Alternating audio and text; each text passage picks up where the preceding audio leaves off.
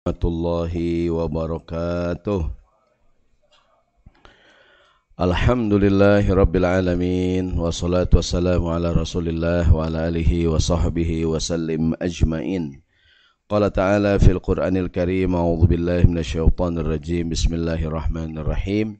Wa qalu subhanaka la ilma lana illa ma'allamtana innaka antal alimul hakim وقال رب اشرح لي صدري ويسر لي أمري واحلل عقدة من لساني يفقه قولي Amin amin ya Allah ya rabbal alamin.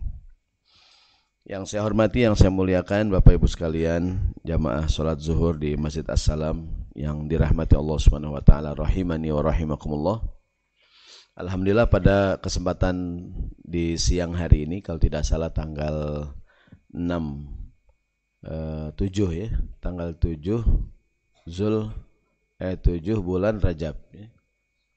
Jumat, Sabtu, Ahad, Senin, Selasa, Rabu, Kamis nih tanggal 7 ya. 7 bulan Rajab. 1440 Hijriah. Mudah-mudahan sehat, panjang umur, murah rezeki. Sama-sama kita berharap bisa bertemu dengan bulan Ramadan yang mulia. Siang ini temanya tak malul afdol wasta'id lil aswa. Berharap yang terbaik tapi bersiap untuk kemungkinan yang terburuk. Siap menang, siap kalah hadirin.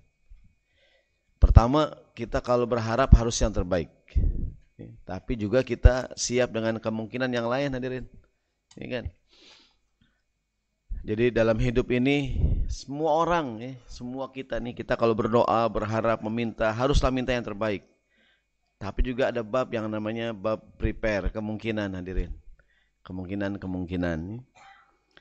Baik kita mulai dari peristiwa yang terjadi di zaman Nabi Shallallahu Alaihi Wasallam ini kajian kisah-kisah dari sunnah. Kisah yang pertama ada satu peristiwa di zaman Nabi tahun ke-8 Hijriah namanya peristiwa Ghazwatu Mu'tah.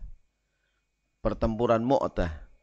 Biasanya kalau dalam buku sejarah kalau pertempuran yang Nabi ikut namanya Ghazwah. Kalau Nabi nggak ikut namanya Sariyah.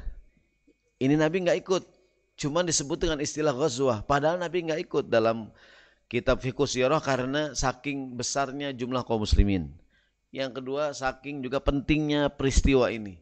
Padahal Nabi nggak ikut, tapi juga disebut dengan istilah ghazwah, ghazwah mu'tah.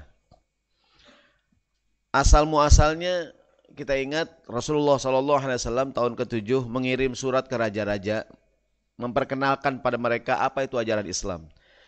Jadi berdakwah melalui media, jadi Nabi sudah lakukan, Nabi kirim surat jadi di antara cara berdakwah adalah mengirim surat menawarkan Islam dalam bentuk tulisan gitu. Jadi Nabi Muhammad SAW di fase dakwah beliau, beliau tulis surat dan sahabat yang dikirim, setiap sahabat yang diutus Nabi mengerti bahasa yang akan e, mengerti bahasa yang digunakan oleh raja yang akan dikirim surat.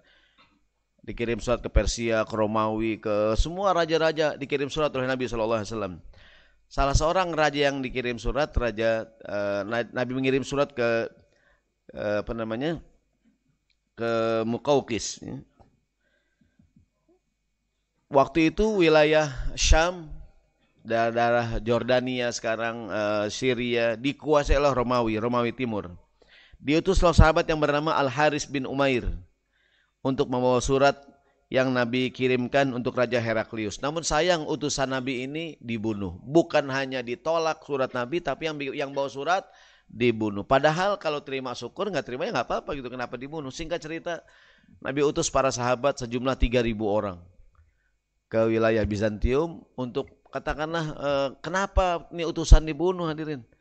Ya kan dibanding perang Badar yang cuma 300, perang Uhud yang 1000, kemudian orang munafik pulang 300 jadi tinggal 700 maka perang Mu'tah cukup besar.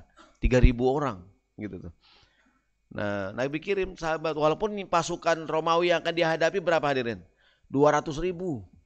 3000 lawan 200 ribu hadirin. Oh, jauh banget tuh perbandingannya ibarat kita punya duit 3000 musuh kita 200 ribu hadirin. Waduh kita beli cireng doang tiga hadirin. Ya, 3000 teman kita 200 ribu hadirin. Bisa makan tiga kali tuh. Enggak nggak ada apa-apanya gitu tapi Nabi yakin sejak awal insya Allah meraih kemenangan. Namun sejak awal pula